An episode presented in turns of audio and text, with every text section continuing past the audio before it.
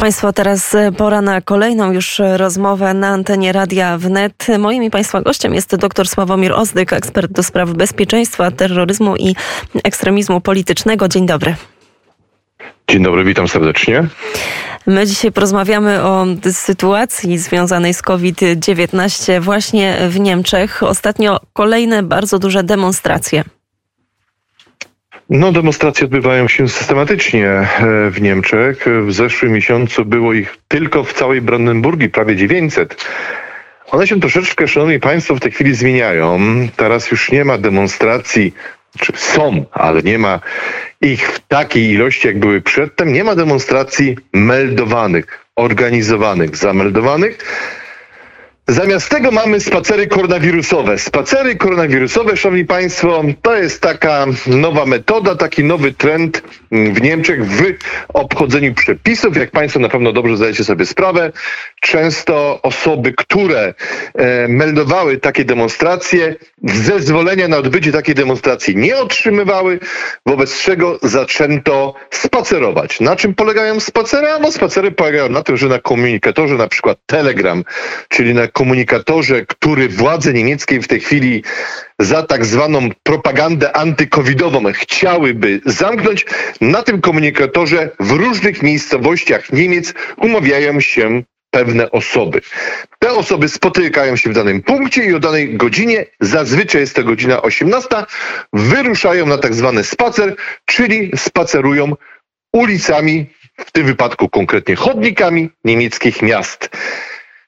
W niektórych miejscowościach policjanci zezwalają na takie spacery, w niektórych nie zezwalają, w niektórych miejscowościach policjanci robią blokady, zatrzymują tych ludzi, robią tak zwany kocioł, spisują, legitymują, wzywają do zachowania dystansu społecznego, wzywają do noszenia e, masek, wzywają do rozejścia się, a w niektórych miejscowościach, szczególnie tych mniejszych, ja byłem na takiej demonstracji we Frankfurcie nad Odrą i tak dalej. Zezwalają, a nawet, a nawet kierują ruchem, aby ci ludzie mogli spokojnie tymi chodnikami się przemieszczać.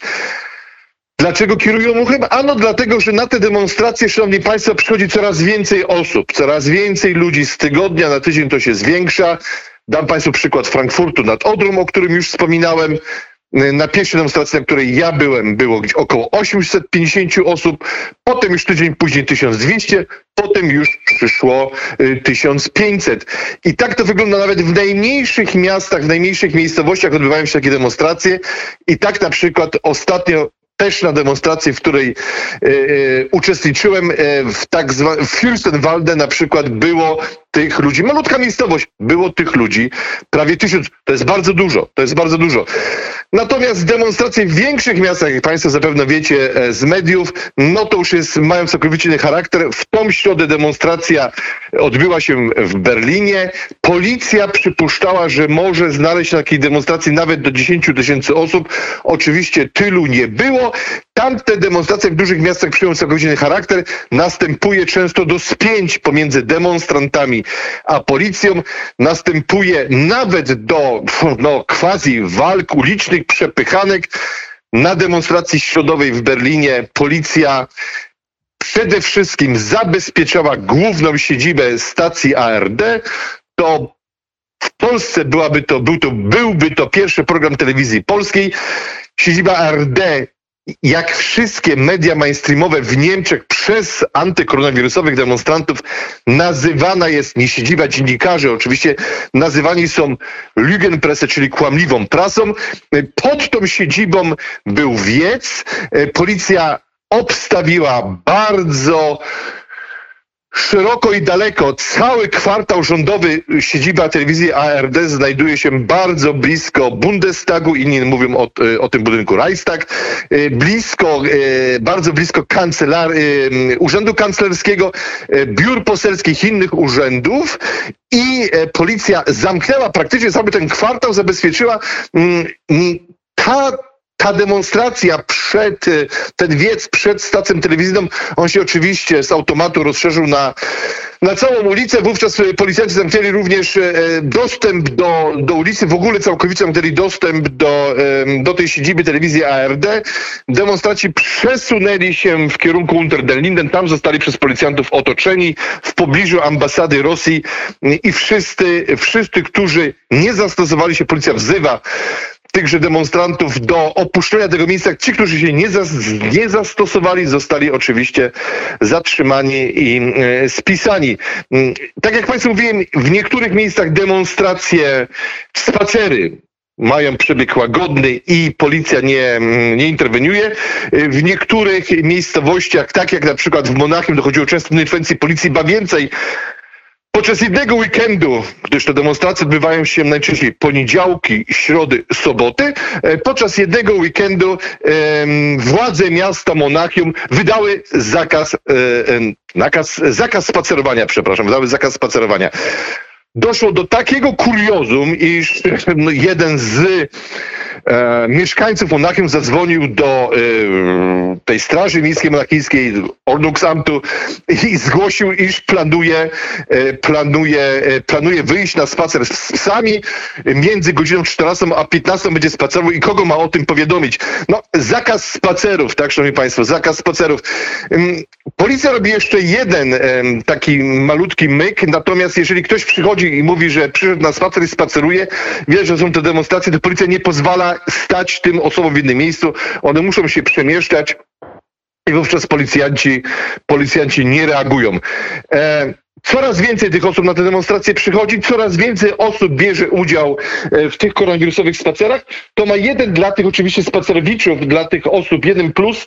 Policja nie ma fizycznie osoby, do której może przyjść jako organizatora i której może zgłosić, iż rozwiązuje wiec, rozwiązuje demonstrację, rozwiązuje to spotkanie. Gdyż takiego organizatora nie ma. Wszyscy przychodzą w jeden punkt tego samego dnia, o tej samej godzinie i idą na spacer. Po czym poznać spacerowiczów na koniec? No po tym, że mają w ręku świeczki, latarnie, niektórzy są obwieszeni jeszcze lampkami takimi e, choinkowymi, e, no i po prostu idą spokojnie, najczęściej bez dystansu społecznego, najczęściej bez masek, co tutaj w Niemczech jest oczywiście karnym mandatem. Można otrzymać za, kolokwialnie, za niemanie maski 500 e, euro. Idą trasą wyznaczoną i najczęściej co tydzień jest to ta sama trasa. W tych mniejszych miejscowościach, bo w tych większych oczywiście te trasy e, ze względu na akcję policji się zmieniają. I tak, szanowni państwo, e, niedawne, znowu kolokwialnie, zadymy które w dużych miastach, co prawda jeszcze są, w mniejszych miejscowościach zamieniły się w koronawirusowe spacery. Panie doktorze, mamy już ostatnie dwie minuty, to proszę jeszcze tylko powiedzieć, czy sytuacja w Niemczech, jak spojrzymy na poszczególne landy, jakoś się różni, jeżeli chodzi o podejście do, do tych obostrzeń e, związanych z koronawirusem? Tak, różni się. No wiadomo, Niemcy to są federacja. Podamy przykład Monachium, tak? Pan, pan Syda, szef monachijskiego CSU, do tej pory koronawirusowy Janczar, który wyszczepiłby wszystko, co jest od niego wolniejsze i nie ucieknie na drzewo. E, z jakiego powodu Nieważne, zmienia swoją politykę, politykę e, e, podejścia do e, życia z omikronem, bo tu mówimy w tej chwili wszyscy wydarzają, że to jest ze względu na omikron, który jest bardziej zaraźliwy, ale mniej, mniej szkodliwy. Na przykład dopuszcza już w tej chwili, szanowni państwo, tego, aby na stadionie piłkarskim było 30 tysięcy osób, a nie dwa.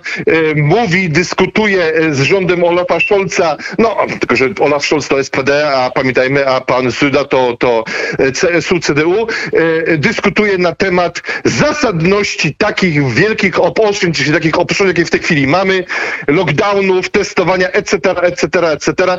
Także w niektórych landach to się zmienia. W takiej badanii Winterbergi znoszone są pewne obostrzenia, ale znowu z drugiej strony e, Dolna Saksonia e, słowami swojej ministry do spraw zdrowia wzywa do tego, aby osobom, które się nie zabusterują, które nie przyjmą trzeciej, trzeciej przypominającej szczepionki, a wylądują na kwarantannie, nie wypłacać wynagrodzenia.